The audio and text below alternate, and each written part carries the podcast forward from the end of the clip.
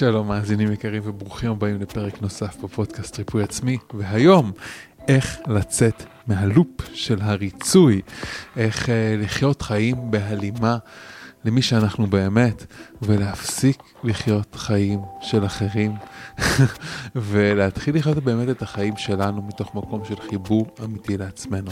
בפרק הזה אנחנו מדברים על איך אה, איך ריצוי בעצם בא לידי ביטוי בתוך החיים שלנו וכל מיני הדר, הדרכים שלו, את המנגנון במוח שמייצר אה, ריצוי אה, ותוקע אותנו בתוך הלופ הזה של הריצוי, מה זה המנגנון, אם אנחנו נוכל להבין את המנגנון נוכל להבין אותו יותר טוב ונוכל לדעת יותר טוב גם איך לצאת ממנו. אה, אחר כך נדבר טיפה על המצב הבריא ואיך לצאת ואיך מגיעים למצב הבריא אה, של חיים בהלימה לעצמנו, וכמובן סוף הפרק הזה תוכנית פעולה, השלבים לאיך לצאת מתוך הלופ של הריצוי.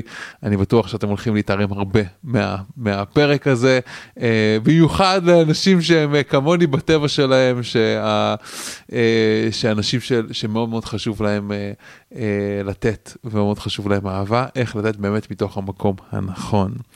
אז ברוכים הבאים לפודקאסט ריפוי עצמי, אני דן לוסטיק וריפאתי את עצמי ממחלה אוטואימונית שנקראת פסוריאזיס, ואחרי שריפאתי את עצמי יצאתי למסע של מחקר לראות למה אני הצלחתי לרפא את עצמי ממחלה שאנשים מגדירים לכל החיים, אה, ואנשים אחרים לא, והתשובות שגיליתי פוצצו לי את המוח, ואפשרו לי להביא ריפוי לחיים שלי ולהביא ריפוי לעוד אלפי אנשים.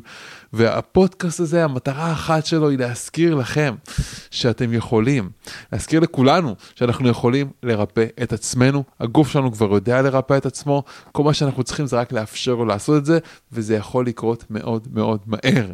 אה, אם אתם אוהבים את הפרק הזה, בבקשה, שתפו אותו עם אנשים שאתם חושבים שזה יכול לעזור להם ולהביא עוד אור, אהבה, שמחה, עושר, רווחה נפשית וגופנית לחיים שלהם.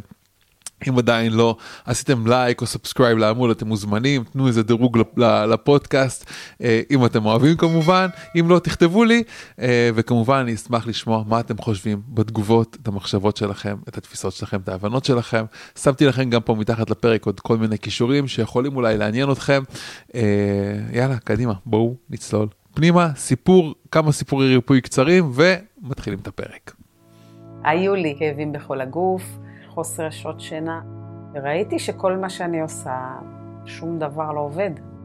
ניסיתי מלא תוספי תזונה, ניסיתי אוסטיאופטים לכאבים בשרירים ובגוף, ניסיתי להיעזר בכירופרקטים, והבנתי שכלום, כלום לא עוזר. ואם משהו עזר, זה היה לפרק זמן מאוד מאוד קצר, ובזה זה נגמר. ואני לא מוכנה להיות מוגבלת פיזית, לא מקובל עליי. אני לא יכולה להיות עכשיו כל החיים שלי תלויה בכירופרקט ובכדורים. לא מתאים לי.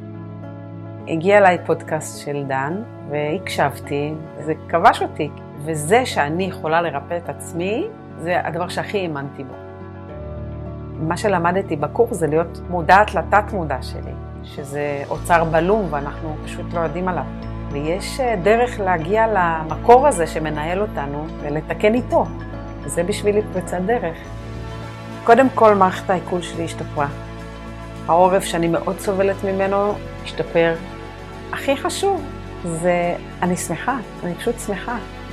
הרגשתי שינוי והרגשתי גם מן הקלה כזו שיש לי יכולת לטפל בעצמי. זה עובד, זה עוזר, אני מרגישה שזה עובד. זה תהליך מאוד מאוד מרגש, מאוד מטלטל, ואתה מרגיש שאתה לא לבד בעצם.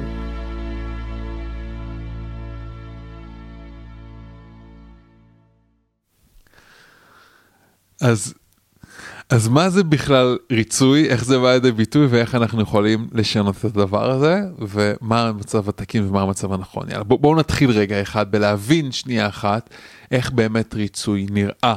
ואני אומר לכם את זה מתוך בשרי וניסיוני האישי. אה, אני בטבע שלי ואני יודע שאנשים שיש להם נטייה כזאת לריצוי זה אנשים באמת שיש להם לב מדהים, יש להם לב רחב, זה אנשים שהם מאוד אוהבים לתת, הם מאוד אוהבים, אה, אה, זה אנשים שהם מאוד מאוד אוהבים, כן, בהגדרה שלהם. אה, פעם אחת מישהו כינה אותי ו, ואת אה, אנשים מסוגיי כ, כדובי אכפת לי, כל הדובוני אכפת לי למיניהם. ו, אה, אז אנשי הריצוי זה אנשים שהם... אה, מצד אחד יכולים להיות מאוד מאוד מאוד קשובים לסביבה שלהם, מאוד אכפתיים לסביבה שלהם, מאוד טיפוליים, במקום שבאמת הם, הם יהיו תמיד מוכנים לתת ולעזור. אמ, היה, יש כזה אה, ספר שנקרא אה, Give and Take שכתב בן אדם בשם אדם גרנט, ספר מאוד מאוד מרתק שבו הוא חקר כל מיני סוגים של אנשים. והוא הוא, הוא יצר איזה מודל כזה של שתי סוגים של אנשים, אנשים שבטבע שלהם, בלב שלהם, הכוונה העמוקה שלהם היא לתת. אוקיי? הוא קרא להם givers, זה אנשים שעמוק בפנים הכוונה הפנימית שלהם לעולם זה לתת, מה הם יכולים לתת, מה הם יכולים לתרום, איך הם יכולים להוסיף. הוא אמר שיש גם סוג אחר של אנשים שהכוונה הפנימית של הלב שלהם זה לקחת. איך אנחנו יכולים לקחת, איך אנחנו יכולים להרוויח, איך לקחת לעצמנו. והוא עשה מחקר באיזה אלף חברות ו... וחקר איזה אנשים אה, משמשים באיזה, באיזה עמדות ואיזה אנשים מצליחים יותר ואיזה אנשים מצליחים פחות. ו... ותמיד כשאני מלמד את זה כזה אני שואל את, ה... את הקבוצה, מה, מי לפי דעתכם האנשים שהם הכי מצליחים, כן? האנשים שהם הכי מצליחים בעולם, אז תמיד התשובות הן חצויות, האנשים שהם הם, הם, הם אנשים שהם בנתינה, או האנשים שהם באים לקחת. ואז הרבה אנשים אומרים, אלה שרוצים לקחת הם האלה ש... שהם ה top achievers, הם אנשים ש... ש... שנמצאים שם כזה בראש הפירמידה של ההצלחה, האנשים הכי מצליחים בחברות האלה ש... שנבדקו. ו... אה, וחלק מהאנשים אומרים לא, זה אנשים שהם בנתינה האלה ש... שהם הכי מצליחים, ואז אה, מסתכלים כזה על הנתונים של המחקר שהוא עשה. ומה שהם גילו במחקר הזה, מאוד מאוד מרתק, זה שאנשים שהם הכי מצליחים, זה אנשים שבכוונה הפנימית שלהם, הם אנשים של נתינה, אוקיי? זה, ה-givers, אוקיי? זה אנשים שבכוונת הלב שלהם זה נתינה. ואז הסתכלו על האנשים שהכי פחות מצליחים, כן? האנשים שבחברה הם, הם לא באים לידי ביטוי מספיק, הם, הם אה, נסחפים לדברים אחרים, הם, הם לא מה, מה, מהאנשים המצליחים בחברות האלה. ומה שראו שאנשים גם הכי פחות מצליחים במקומות האלה, אלה גם אנשי הנתינה, ובאמצע יש את האנשים שהם אנשי הלקיחה, אנשי הטייקרס, אוקיי? אז זה כמו פירמידה כזאת, האנשים הכי מצליחים זה אנשים שמרוכזים בנתינה, ואנשים הכי פחות מצליחים זה אנשים שכוונת הלב שלהם היא גם כן נתינה. ואז כמובן נשאלת השאלה, מה ההבדל בין האנשים האלה שהם הנותנים המצליחים לבין האנשים שהם הנותנים הלא מצליחים. אני עוד רגע אענה על השאלה הזאת, אוקיי? אני אשאיר לכם את המעגל הזה פתוח לקראת סוף הסשן, אני הולך לענות לכם מה ההבדל בין האנשים שהם נותנים ומצליחים לאנשים שנותנים והם לא מצליחים, הם לא מתקדמים. אה, שזה ממש ממש מעניין וממש ממש מרתק, אנחנו נגיע לזה עוד מעט. ולפני זה אני רוצה להבין איך דפוס של ריצוי באמת נראה בתוך החיים שלנו. זה בא לידי ביטוי הרבה פעמים בתוך מקום שבו אנשי הריצוי הם אנשים שהם באמת, הם, הם מאוד רוצים לתת. אה, אה, אני יודע שאני בתקופות הריצוי שלי, מה שמאוד מאוד היה חשוב לי ומה שמאוד פחדתי ממנו זה שלא יקבלו אותי. זה שלא יאהבו אותי ולא יעריכו אותי. עכשיו, יש מצב ש... אה, יש מצב שאנשי הריצוי הם אנשים ש... אה, ש... ש... שמאוד מאוד חשוב להם מה אנשים אחרים מרגישים, חושבים ואוהבים. ו... ומתייחסים אליהם, והרבה פעמים בגלל המקום הזה אה, נכנסים לתוך מקום של בלבול. עכשיו, מה שחשוב להבין פה זה שעמוק בפנים, בתוך הנפש שלנו, בנפש שלנו, באמת יש כוחות שפועלים בנו, אוקיי? כוחות שפועלים ומגיעים מהגנים שלנו ומההישרדות של הגנים שלנו, והכוחות של הגנים שלנו הם ממש צרכים, הם הצרכים של הנפש שלנו. הצרכים של הנפש שלנו כדי לשרוד בעולם הזה. הצרכים האלה הם דברים שדחפו אותנו עד היום, וה, וה, והצרכים האלה הם מה שמעצב את החיים שלנו, אוקיי? הם מה שאפשרו לגנים שלנו לשרוד כל השנים האלה, ומה שיאפשרו את הנצחיות של הגנים שלנו, והם גם מה שמייצר מוטיבציה בתוך החיים שלנו, והם מה שנמצא מתחת לפני השטח לכל ההחלטות, הפעולות, ההרגשות, הדרמה, הדברים שאנחנו עושים או לא עושים בחיים שלנו. הכל זה הדרך שלנו לפגוש את הצרכים שלנו. עכשיו אנחנו יכולים לפגוש את הצרכים שלנו בצורה איכותית, ואנחנו יכולים לפגוש את הצרכים שלנו בצורה שהיא לא איכותית. ואז אז, אה, יש את מודל ששת הצרכים של טוני רובינס. שהוא חילק את הצרכים שלנו לצרכים של הנפש שלנו וצרכים של הנשמה שלנו, שזה באמת מודל מאוד מאוד מרתק ומעניין. ו... אז הצרכים של, של, של האישיות שלנו, זאת אומרת הצרכים של, של הנפש, של האישיות שלנו, אלה הצרכים ההישרדותיים, והם מתחלקים לארבעה, כן? יש את הצורך של, שלנו בביטחון, בוודאות, שאנחנו יודעים שאנחנו נשרוד, שאנחנו נהיה, נהיה בסדר, שיש לנו, אה, שיש לנו עתיד טוב יותר שאנחנו מתקדמים אליו, אה, או לפחות שאנחנו נהיה בטוחים בעתיד ולא ניפגע בעתיד או לא נסבול בעתיד. יש לנו את הצורך בגיוון ובחוסר ודאות שאנחנו נוכל לחוות איזשהו עניין, איזשהו משהו שמשתנה בתוך החיים שלנו. דרך אגב, זה אחד מהסיבות שהרבה אנשים מכורים לגלילה הזאת ברשתות, כי הגלילה הזאת בעצם גם מייצרת אצלנו איזה מקום של ביטחון, כי זה מרחב מאוד בטוח שבו אנחנו יכולים לקבל חוסר ודאות, זה עונה לנו גם על שתי צרכים, בגלל זה זה דבר ממכר. כל פעולה בחיים שלנו שעונה לנו על שני צרכים או יותר, הופכת להיות התמכרות, אוקיי? יכולה, יכולה להפוך להיות התמכרות. בין אם זה התמכרות חיובית או בין התמכרות שלילית, למשל. אמ, אה, אה, הצורך השלישי זה הצורך ב...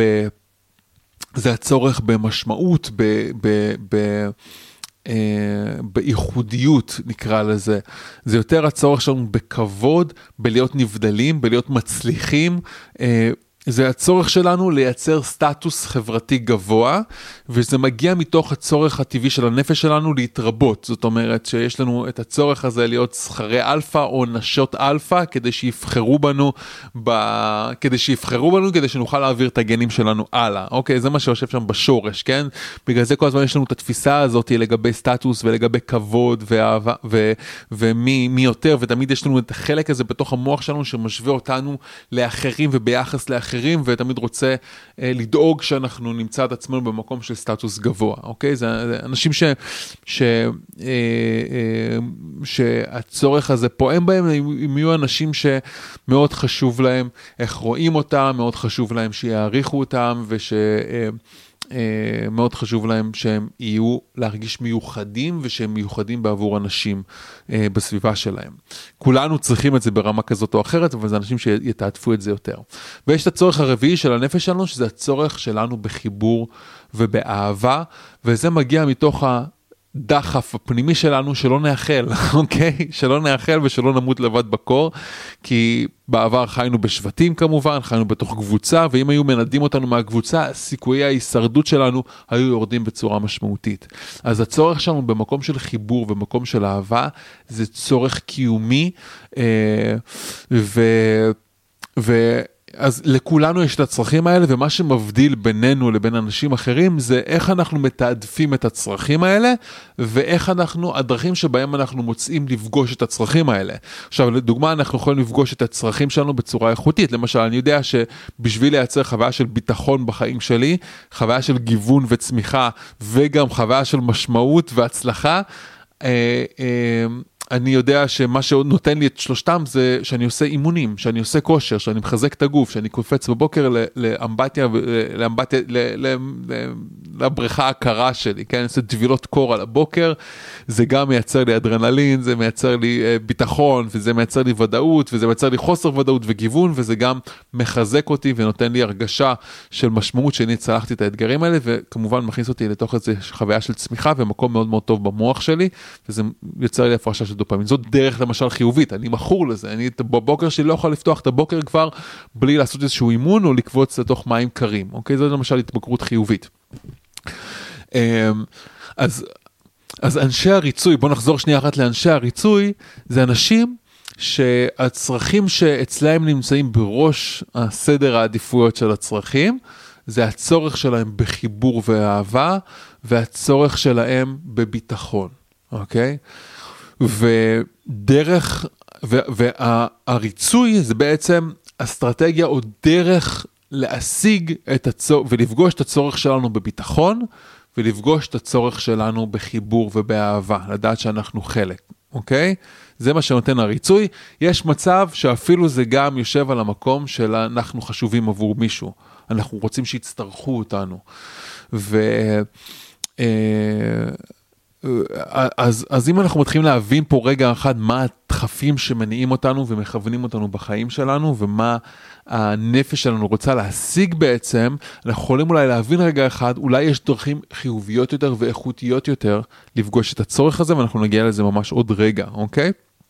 אז ריפוי, אה, סליחה, ריצוי בא לידי ביטוי בחיים שלנו כשאנחנו מרגישים מקום של חוסר ביטחון, חוסר באהבה, ואנחנו רוצים לפגוש אותו, אוקיי? והדרך שלנו לפגוש אותו היא לבטל את הצורך שלנו במיוחדות, בצורך שלנו בצמיחה, הצורך שלנו בהתפתחות, הצורך שלנו בהגשמה, הצורך שלנו בגיוון, הצורך שלנו בצרכים אחרים, אוקיי? אנחנו מבטלים צרכים אחרים כדי לקבל אהבה ולקבל ביטחון. ועוד רגע אנחנו נגיע למה בדיוק קורה במוח ואיך זה נראה, איך ריצוי נראה.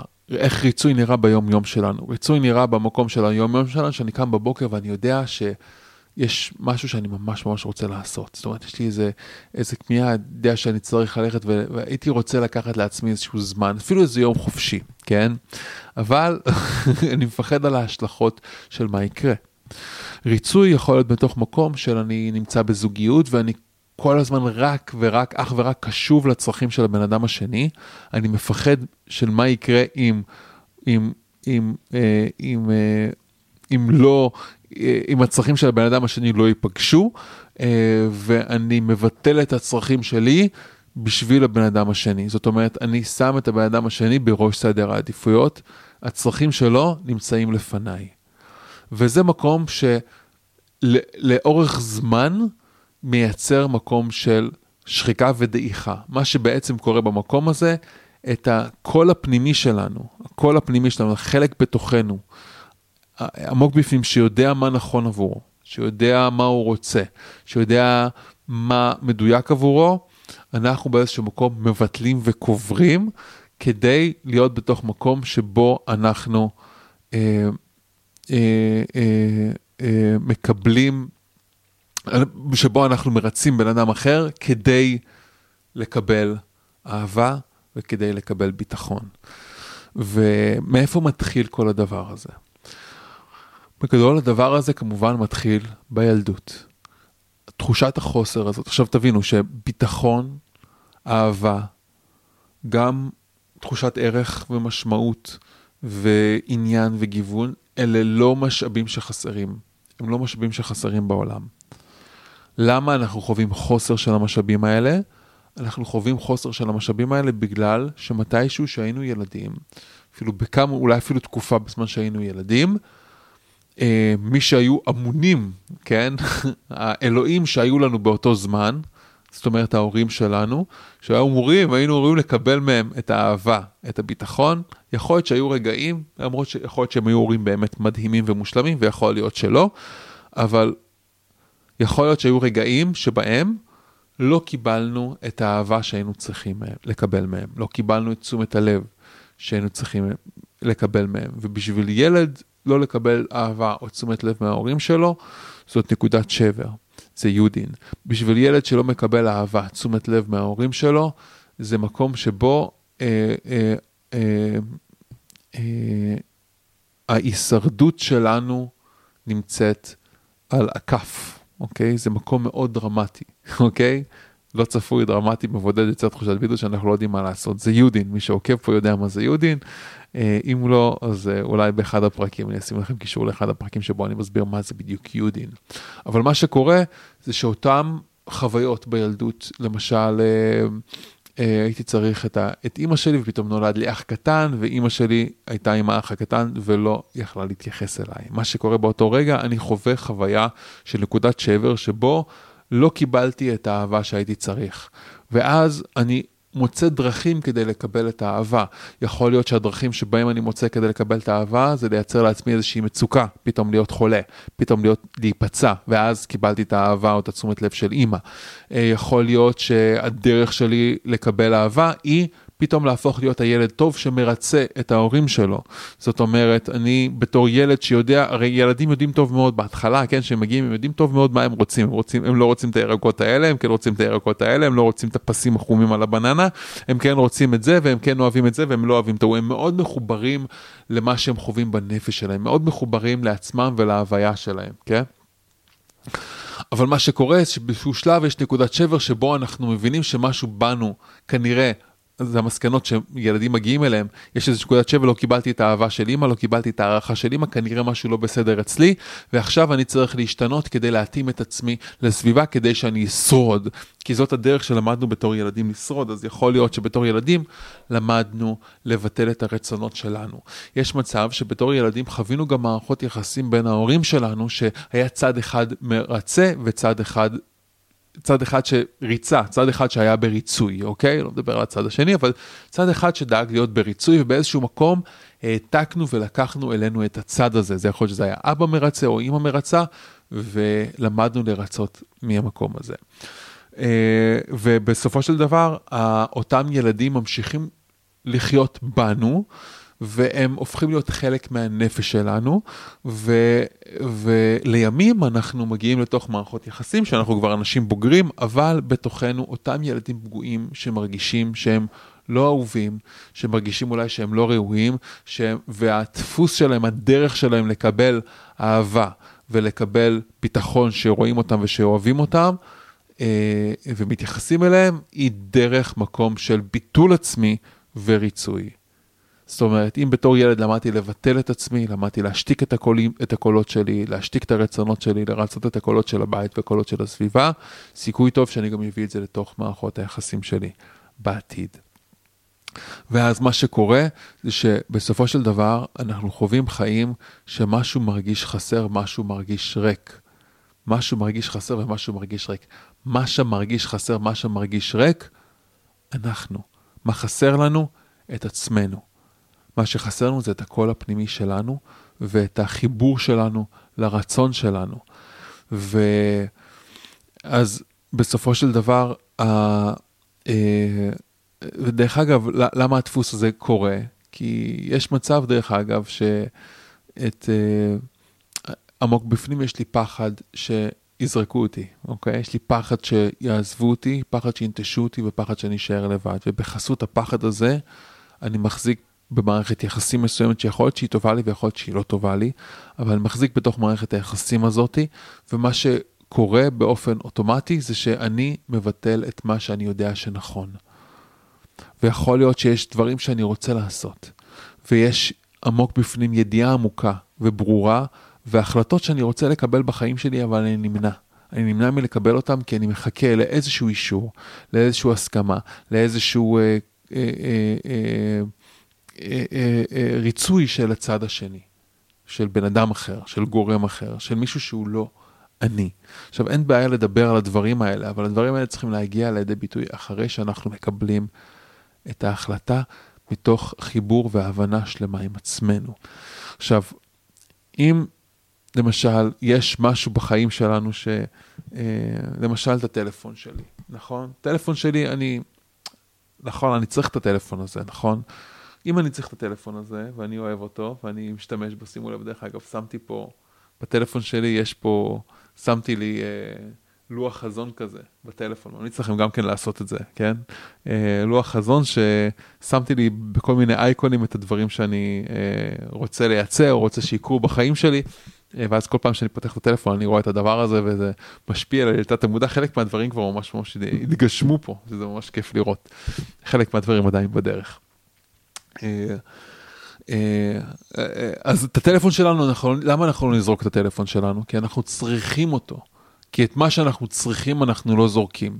ועמוק בפנים גם הכמיהה שלנו בתוך מערכות יחסים של ריצוי זה שלא יזרקו אותנו. והדרך שלנו להשיג את זה שלא יזרקו אותנו זה שיצטרכו אותנו. זאת אומרת, אני צריך שיצטרכו אותי, אז אני מייצר מקומות של בהם אני מבטל את הצרכים שלי ופוגש את הצרכים של הסביבה שלי. אה, כי את מה שצריכים לא זורקים, אוקיי? וזה מגיע מאותו פחד ילדי. אני אגיד עוד נקודה אחת לגבי ריצוי ואז אני אסביר על מה קורה במוח ובמערכת העצבית בזמן ריצוי. אז מה שעוד קורה בזמן של ריצוי זה ש... אה, זה במיוחד אצל נשים דרך אגב, יש תכונה כזאת שמתי שמגיע ילד לעולם, כן, מתי שמגיע תינוק לעולם, אז האישה או, האימא בעצם בשביל ההישרדות של התינוק צריכה באמת לבטל את הצרכים שלה. היא צריכה לשים את הצרכים של התינוק לפני הצרכים שלה, אחרת התינוק לא ישרוד. אחרת התינוק לא ישרוד. ומה ש... ו... ו... וזה אחד מהדברים דרך אגב שגם יכולים אחר כך להוביל למקום של דיכאון אחרי לידה, ש... אמ, ש... ש... שפתאום אני נעלמת, כן? אני נעלמת כדי לתת את חיים לתינוק שלי. עכשיו במשך שלושה חודשים, חצי שנה, זה בסדר, זה טוב. הבעיה שהדפוס הזה, בגלל שהוא קיים במערכת הביולוגית של, של, של אימהות בעיקר ושל נשים בעיקר, אז זה ממשיך גם אחר כך לעוד מערכות יחסים בתוך החיים, וזה לא דבר בריא, אוקיי? זה דבר חשוב שיש תינוק, אבל גם שיש תינוק, צריך, האימא צריכה, חשוב מאוד שהיא תדאג גם לצרכים שלה, או, ש, או שהיא תדאג שידאגו גם לה לצרכים שלה. אז אה, אה, אז מה שאמרנו עד עכשיו, ריפוי בא לידי ביטוי בזה שאנחנו חיים יותר חיים של אחרים, רצונות של אחרים, זה מרגיש שמשהו חסר, מרגיש שמשהו ריק, אולי אפילו זה מוביל למצב של בלבול, שקשה לנו לקבל החלטות, קשה לנו להתקדם בחיים, קשה לנו לעשות צעדים, קשה לנו אה, אה, להרגיש בכלל, את ה, להרגיש אהבה, יש תחושת חוסר מתמשכת, מתמשכת ו, אה, ו, ויש בתפיסה שלי, אנשים שהם נמצאים לפניי בסדר העדיפויות אצלי בתוך החיים שלי, שזאת בעיה, אוקיי? מה המצב, אני לוקח אתכם שנייה אחת למצב הבריא, לפני שאני אדבר על ה... ואחרי זה אני אדבר על מה קורה במוח במערכת העצבית. המצב הבריא הוא מצב שבו אני מחובר לצרכים שלי, אני מחובר לעצמי, ואני מקבל החלטות ברורות, נכונות וטובות בחיים שלי. וזה לא מגיע מתוך מקום אולי אם הייתי הרבה זמן בריצוי, יש מצב שכדאי שאני אלך טיפה לכיוון השני ואני אדאג קודם כל עכשיו תקופה לפחות קודם כל רק לרצות את עצמי כן נתתי איזה תקופה כזאתי כדי לחזק שוב את השריר הזה של להקשיב לעצמי אה, כי זה בסופו של דבר מה שחסר מה שחסר זה החיבור זה אנחנו עצמנו. אה, איך להתחבר לעצמך, יש, יש פרק כזה בפודקאסט, אני אשים לכם קישור למטה, אם אתם שומעים את הפרק הזה, בטח גם הפרק ההוא מאוד מאוד אה, יעזור לכם, כדאי גם לשמוע אותו. אמ, אה, אז אה, איפה הייתי? נקטע לי חוט המחשבה, שנייה, דיברתי על מה קורה במערכת העצבית, עדיין לא, דיברתי על...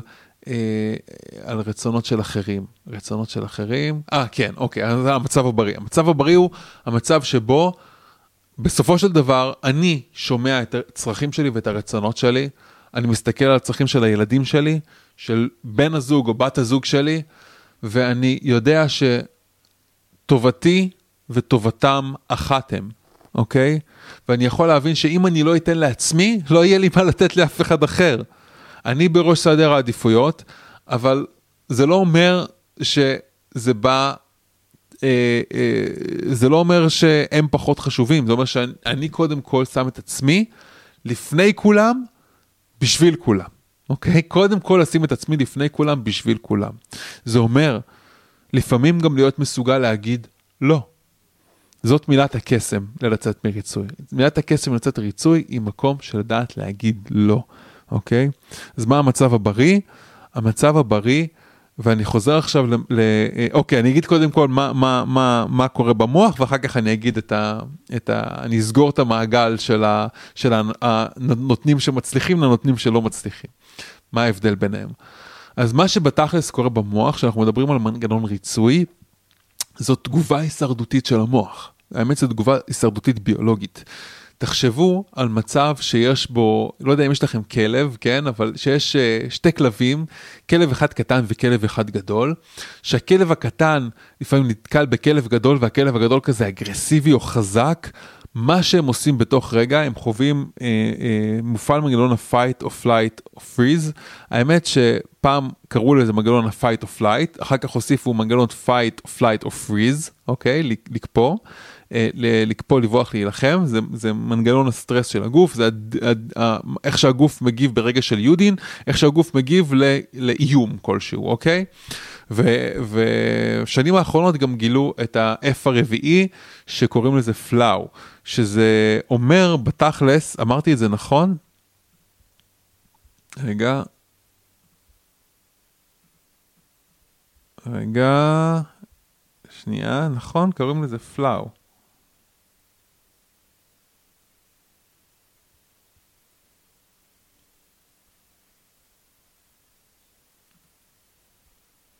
פון, פון, F-A-W-N, פון.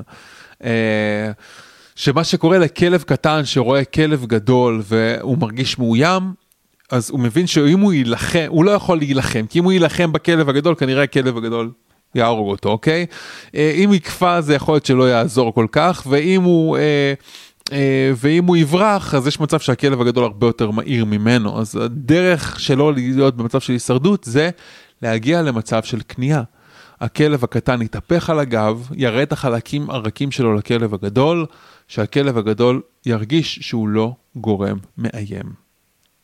ואצלנו במוח המנגנון הזה פשוט מייצר את תגובת הריצוי של הגוף. את תגובת הריצוי שלנו.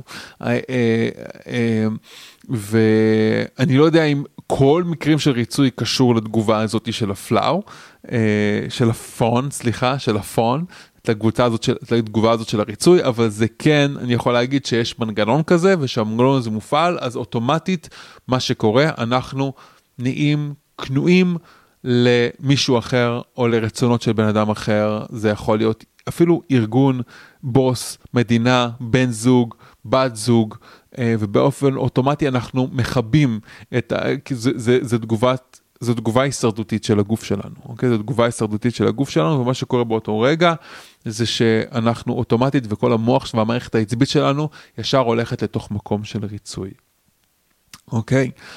אז אני חוזר עכשיו למצב הבריא ואני חוזר לענות על השאלה, מה רגע לפני שאני הולך לתת לכם את השלבים לאיך לפתור את המקום הזה של הריצוי, אה, כי באמת בשנים, ה... בעשר שנים האחרונות, האמת שאני באופן אישי כבר בארבע עשר שנים האחרונות, עזרתי להמון אנשים, אפשרנו להרבה הרבה אנשים לצאת ממצב כזה, לצאת מהלופ הזה של הריצוי ו- ו- ו- ו- ולשנות ממש את הדברים מהעומק שלהם ולהפוך להיות אנשים חדשים שלא חיים בתוך מקום של ריצוי ואני אספר לכם את, ה- את השלבים האלה בכיף ובאהבה.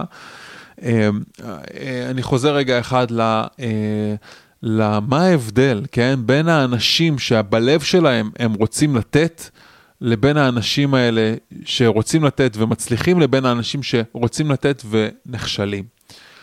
ומה שאדם גרנט בספר שלו הבין זה שהאנשים שרוצים לתת ומצליחים זה אנשים שיש להם גבולות מאוד מאוד מאוד ברורים.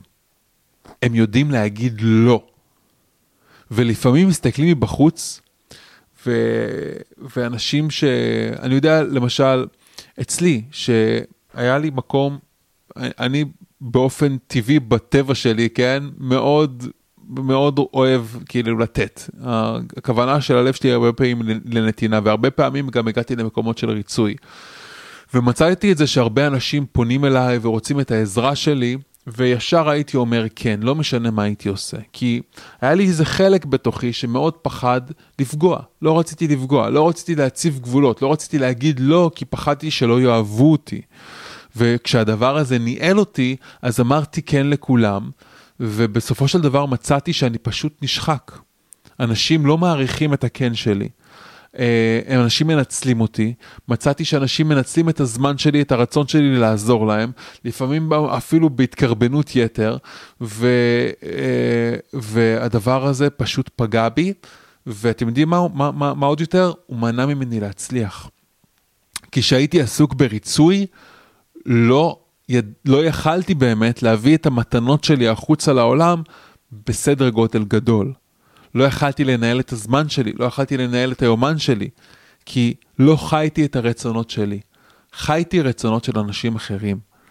ויכול להיות שאמרתי לעצמי, אני רוצה לעזור, אבל ידעתי שזאת לא הדרך הנכונה, וביטלתי את הידיעה הזאת. וכשביטלתי את הידיעה הזאת, הגבולות שלי, הגבולות שלי נפרצו, האנרגיה שלי ירדה, אני נשחקתי, חוויתי פחות הצלחה, חוויתי יותר תסכול, חוויתי, הביטחון העצמי שלי ירד, הערך העצמי שלי ירד, ההצלחה העסקית שלי ירדה, שהוביל אותי לעוד יותר תסכול ועוד יותר חוסר מימוש ועוד יותר אה, אה, קושי ועוד יותר חוסר ביטחון ובור, אוקיי? והבור הזה גם הוביל אותי למקום של, הרגשתי כזה דיכאון שליווה אותי לאורך הזמן. והיה איזה רגע שהבנתי את זה. וכששמעתי את, את ההרצאה הזאת, זה פשוט פתח לי את ההבנה, ומה ההבדל בין האנשים שבאמת מצליחים? אנשי הנתינה שמצליחים זה אנשים שיודעים להגיד לא, הם יודעים להציב גבול. אה, כי הם מבינים שיש טוב גדול יותר לשרת, והם מחויבים לטוב הגדול הזה יותר לשרת, אוקיי? ואני הבנתי שאם אני, אה, מלא אנשים כל הזמן פונים אליי, רוצים לעשות איתי אחד על אחדים וטיפולים אחד על אחדים, אה, ומבקשים ומתחננים וכאלה, ואני אומר, לא, יש לי מטפלים שהסמכתי בשביל זה, יש לי תהליכים קבוצתיים שהסמכתי במיוחד בשביל זה, כי אני יודע שאם עכשיו אני אשקיע את הזמן שלי בלטפל באחד על אחד, א', זה לא יעזור לבן אדם כמו התהליך השלם שבניתי לו, וב' זה גם יבוא על חשבון, במקום לעזור לבן אדם אחד, ללעזור לאלפים, אוקיי? אז הבנתי שאני במקום הזה חייב להציב גבול ולהגיד לא. אז בהתחלה אה, רציתי לגרום להגיד לא, אז נתתי מחירים מאוד מאוד גבוהים לטיפולים שלי. אפילו שגביתי 2,500 שקל לטיפול ו-3,500 שקל לטיפול, כי לא היה לי נעים להגיד לא, עדיין אנשים קנו. ו... ולהגיד לכם את האמת, לא רציתי שיקנו, לא רציתי שיקנו, ואז בסוף, בסופו של דבר גם סגרתי את כל, ה, סגרתי את כל הדפי סליקה, סגרתי את כל האפשרות לקנות ממני טיפולים, כי באמת הבנתי שזה גם לא עוזר לאנשים כמו שהייתי יכול ורוצה לעזור להם, וגם לא עוזר לי לעזור לכל האנשים שרציתי לעזור. ויכול להיות שחלק מהתגובות שקיבלתי זה אנשים שהתאכזבו. הם התאכזבו ואולי אפילו הרגישו לא טוב ביחס לאיך שאמרתי להם לא. וכמובן שאת הגבול שלי אני, אני תמיד מנסה לתקשר בצורה שהיא מאוד אה, ברורה ואוהבת ומכבדת ו, ומסבירה שאני פשוט לא יכול, כן? אני מאוד רוצה לעזור אבל אני פשוט לא יכול להגיד כן כרגע, לא יכול לקבל את השיחה הזאת או, לא, או, או פשוט אומר לא. ואתם יודעים מה, מתי שבהתחלה הרגשתי רע עם זה שאני אומר לא, התגובה שהתקבלה בצד השני זה שהם הרגישו רע. אבל ברגע שאני למדתי להגיד לא, מתוך מקום שזה טוב וזה בסדר, ואני אפילו, אולי אפילו נותן לבן אדם את ה...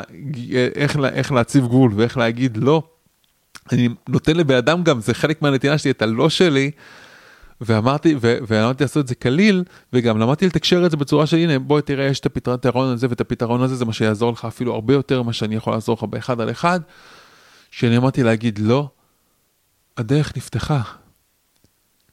והבנתי שאנשים שנגיד עושים לי דרמות על הלא שלי, זה כנראה אנשים שאני לא ארצה בסביבה שלי. נגיד, בזוגיות שלנו היה מקום כזה שמצא את עצמי הרבה פעמים אומר כל הזמן כן למיטל. ואז גיליתי שמתי שאני לפעמים, וראיתי שמתי שאני אומר כן וזה לא, אה, וזה לא נכון לי, זה לא מדויק לי, זה הרגיש לא נעים. זה הרגיש לא נעים, הרגשתי את זה ברגשות שלי. אצל מיטל, אם היא במקום שהיא אומרת אה, שהיא בריצוי, כן, היא כבר מרגישה את זה ישר בגוף שלה. והרבה פעמים אנשים מגיעים אלינו עם, עם סימפטומים של כאבים כרוניים ופיברו וכאלה, הרבה פעמים מתוך המקום שהם אמרו כן מתי שהם היו צריכים להגיד לא. ואז הגוף שלהם הוא זה שכבר עוצר אותם כדי שהם יגידו את הלא הזה. המחיר שלו להגיד לא, זה המחיר בין הצלחה לכישלון, זה המחיר בין בריאות לבין חולי, זה המחיר בין חיים מוגשמים לחיים, אה, אה, לחיים מפוספסים. ההבדל הזה של להגיד לא, אה, אה, מתי שאני צריך להגיד לא, ולהגיד כן מתי שאני צריך להגיד כן, זה הבדל בין רווחה נפשית לבין חיים בסטרס. אוקיי? Okay? זה הבדל כל כך גדול וכל כך חשוב. והדרך לצאת מלופ הריצוי היא באמצעות המילה לא. אוקיי? ואפשר להגיד ולתקשר את הלא שלנו בצורה אוהבת ומכבדת, ויכול להיות שזה מפחיד, אבל זה שווה את זה. זה שווה את זה, כי אם עמוק בפנים אני יודע שמשהו לא מדויק לי כרגע, אני יכול לתקשר את זה לסביבה, אוקיי? אז בואו ניתן לכם עכשיו תוכנית אה, פעולה. אז מה המצב הבריא? המצב הבריא הוא חיים שבהם אני חי בהלימה לעצמי. שאני, דרך אגב, אם אני רוצה לעזור לבן אדם מסוים, אני יכול להגדיר את הזמנים שבהם אני עושה משהו מסוים בשביל מישהו אחר וזה נהדר. אני יכול להגדיר מתי כן ומתי לא. אני, יש לי סדר עדיפויות, אני יודע מי באמת חשוב. למשל, אני יודע שאצלי מה שהכי חשוב זה הקשר שלי עם עצמי. אחר כך הקשר שלי עם מיטל, אחר כך הקשר שלי עם הילדים, אחר כך הקשר שלי עם המשפחה שלי המורחבת, אחר כך הקשר עם החברים שלי, אחר כך הקשר עם הלקוחות שלי, אחר כך הקשר עם הקהל העוקבים שלי, אחר כך הקשר עם התלמידים שלי, אחר כך הקשר עם העולם כולו. אה, אה, התלמידים כבר היה שם לפני, כן? אחר כך הקשר עם העולם כולו, אוקיי? ויש עוד אנשים בדרך, כן? אבל... אבל חשוב שיהיה את הסדר עדיפויות הזה, כי הסדר עדיפויות הזה עושה לי סדר, אוקיי? אה, וגם כמובן, לפעמים אני אומר, לא עכשיו לזמן עם המשפחה או לזמן עם הילדים, כי יש דברים שאני רוצה לעשות בעסק וזה בסדר, אוקיי? אבל אני יודע שיש שעה מסוימת ש... שזה הזמן משפחה שלי, ואני לא מכניס עבודה עסקית לתוך הזמן משפחה שלי, אוקיי? בשביל לרצות אף אחד. למה? כי אני יודע שמתי שעשיתי את זה הרגשתי פספוס, זה כאב לי, זה הרגיש לא טוב, אוקיי? ובסופו של דבר המצב הבריא זה לחיות חיים בהלימה לעצמנו, שאנחנו יכולים להציב גבולות ברורים מאוד, וזה ההבדל בין הנותנים שמצליחים לבין הנותנים שנכשלים ומאבדים את עצמם ואת ההצלחה שלהם ואת החיים שלהם בדרך. אה, אלה שפשוט יש להם גבולות ברורים ויכולים להגיד לא. יאללה, תוכנית פעולה לריפוי. אז אמרנו שהרבה פעמים, אז קודם כל, זה כבר ברמה ההתנהגותית, זה מה שאני ממליץ לכם כבר עכשיו להתחיל לעשות, להתחיל למצוא את המקומות שבהם להגיד לא ולבחור בעצמכם. הדבר השני זה, אה, זה להבין שהדפוסים האלה מגיעים מתוך תת המודע, אוקיי? אנחנו רוצים למצוא את הדפוסים האלה בתוך תת המודע שלנו. יש בתוכנו חלקים שמרגישים את תחושת החוסר, את תחושת החוסר ראויות, תחושת החוסר באהבה, אוקיי? זה מה ש... זה הבסיס עליו יושבים דפוסי הריצוי שלנו, ומה שאנחנו רוצים לעשות, מה שאנחנו בתכלס עושים בתהליכים שלנו, מה שאנחנו רוצים לעשות זה לפגוש את אותם חלקים בתוכנו, ולמלא להם את הצרכים. לחבר אותם למקור אינסופי של אהבה, לחבר אותם למקור אינסופי של ביטחון, לחבר את, אותם ובעצם את עצמנו למקום אינסופי של באמת, של בחירה בעצמנו ושל חופש. ואת זה עושים באמצעות עבודה על תת, עם, עם תת המודע, עם, כמו שעושים בכלים של רפואת על. וזה זה, זה מרגיש כמו לקלף מאיתנו הרבה הרבה מסכות שלקחנו מאיתנו, כי בתכלס לא נולדנו לעולם הזה מרצים. אולי נולדנו אנשים שאוהבים לתת, אנשים שהאהבה מאוד חשובה להם, אוקיי? אבל לא נולדנו לעולם הזה מרצים. מרצים זה משהו, ריצוי זה משהו שקיבלנו או לקחנו בדרך בחיים שלנו, וכמו שלקחנו וקיבלנו את זה, אנחנו יכולים גם לשחרר את זה, אוקיי? להשאיר את הצורך הטוב שלנו בנתינה, ויחד עם זאת לדעת להציב גבול, לדעת להגיד כן ולא.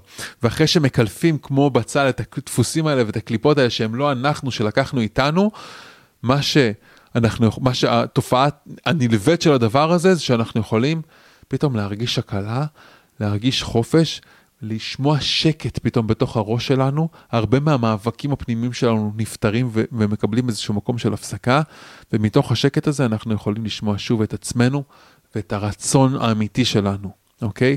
זאת חוויה שבה חווים אושר, זאת חוויה שבה חווים ריפוי. והשלב הבא אחרי זה, זה מתוך אותה הקשבה פנימית לעצמנו, לתקשר את עצמנו החוצה לעולם, אוקיי? לחיות בהלימה ולעצב את החיים שלי בהלימה לאותו חלק פנימי שיודע מה נכון. וזה לא אומר שאנחנו עכשיו מבטלים את כל הרצונות של אחרים, זה אומר שאנחנו יכולים להיות בדו-שיח עם הסביבה שלנו, אנחנו יכולים להיות בהקשבה, אבל אנחנו גם יכולים להיות בתקשורת, אוקיי? לא כל קול בחוץ, כל רצון של מישהו מבחוץ, כל ביקורת מבחוץ מזיזה אותנו.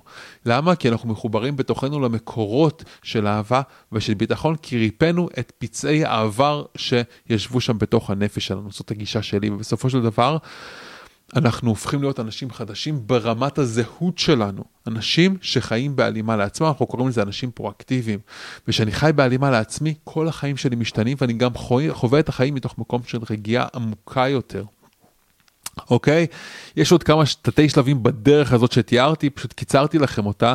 חלק מהתתי שלבים זה לדעת אה, לסלוח לאנשים שהאשמנו אותם, זה לדעת לסלוח לעצמנו, זה לדעת אה, אה, אה, לזהות את הדפוסים שניהלו אותנו ולשחרר אותם, אה, וזה כמובן גם לדעת איך להבין מתי אנחנו מנוהלים מתוך דפוס של ריצוי ומתי שאנחנו מנוהלים מתוך חיבור לעצמנו. אני אתן לכם נגיעה קטנה איך לדעת מתי אנחנו מרצים ומתי אנחנו באמת בנתינה אמיתית, איך שזה מרגיש. נתינה אמיתית ונתינה טובה מתוך מקום שמחובר לעצמנו ושיש לו גבולות, מרגישה טוב, זה מרגיש נעים. נתינה של ריצוי מרוקנת אותנו, מורידה לנו את האנרגיה ומורידה לנו את המוטיבציה. אה, ו, ומתי שאנחנו מוצאים את עצמנו בנתינה שמורידה לנו את האנרגיה, מורידה לנו את המוטיבציה, אנחנו רוצים לעצור, כן, לעשות הפסקה, לשמוע מה נכון באמת עבורנו ולפעול בהלימה למי שאנחנו באמת. אוהב אתכם המון, מקווה שנתרמתם מהפרק הזה. בבקשה תכתבו את התובנה הכי משמעותית שאתם לוקחים מהפרק הזה, וככה אתם גם אה, אה, תוכלו לעזור לאנשים אחרים להתחבר לתובנה הזאת, לחזק אותה אצלם, אבל יותר מזה, אתם תחזקו את התובנה הזאת אצלכם כשתכתבו אותה בתגובות, כי זה יהפוך להיות אפילו יותר ממשי, ואולי אפילו תטמיעו לתת המודע שלכם, שהדבר הזה הולך להתגשם בתוך החיים שלכם. אוהב אתכם המון, ניפגש בשבוע הבא, ביום חמישי, אה, ובקרוב אני עושה הדרכה live אה, אה, ברפואת על שנקראת סודות הריפוי העצמי, שבה אני עושה גם טיפול ב live ומדגים איך כל הריפוי הזה עובד בשידור חי, אה, וגם כמובן אחר כך אני גם מספר על תוכנית הליווי שלי, אם זה מעניין אתכם אתם יכולים, שמתי לכם קישור בתיאור של הפרק, אוהב אתכם המון, אה, צריך לפנות פה את המשרד, ולהתראות. זהו, עד לכאן הפרק של היום. אם אהבתם את הפרק, אל תשכחו לדרג את הפודקאסט ב iTunes, Spotify, Google Podcast, SoundCloud, יוטיוב או בכל פלטפורמה אחרת שדרכה אתם מאזינים לנו כרגע.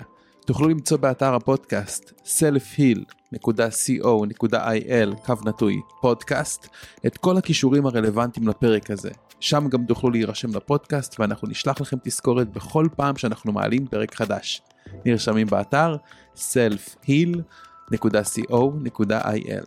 אני מזמין אתכם לכתוב לי תגובות, מה אהבתם, את מי תרצו לשמוע בפרקים הבאים, או כל הערה והערה אחרת שיש לכם. מוזמנים לשלוח לי ישירות למייל דן שטרודל selfheal.co.il או בפייסבוק שלי facebook.com קו נטוי רפואת על. אם אהבתם את הפרק הזה, אל תשאירו את כל הטוב הזה רק לעצמכם. בטוח שיש לכם חברים שרוצים גם לרפא את עצמם. שתפו אותם ושלחו להם את הפרק הזה. ומילה אחרונה אבל חשובה, אם קיבלתם השראה מהפודקאסט ואתם מרגישים יותר רווחה נפשית וגופנית, החלטתם שאתם רוצים לרפא את עצמכם או להוביל תהליכי ריפוי, ואתם רוצים ומוכנים לעשות את מה שצריך כדי לגרום לזה לקרות, אני מזמין אתכם לבדוק את תהליכי העומק וההכשרות המקצועיות שלנו באתר selfil.co.il. אני דן לוסטיג, שמח שהאזנתם לפרק, ונשתמע בפרק הבא.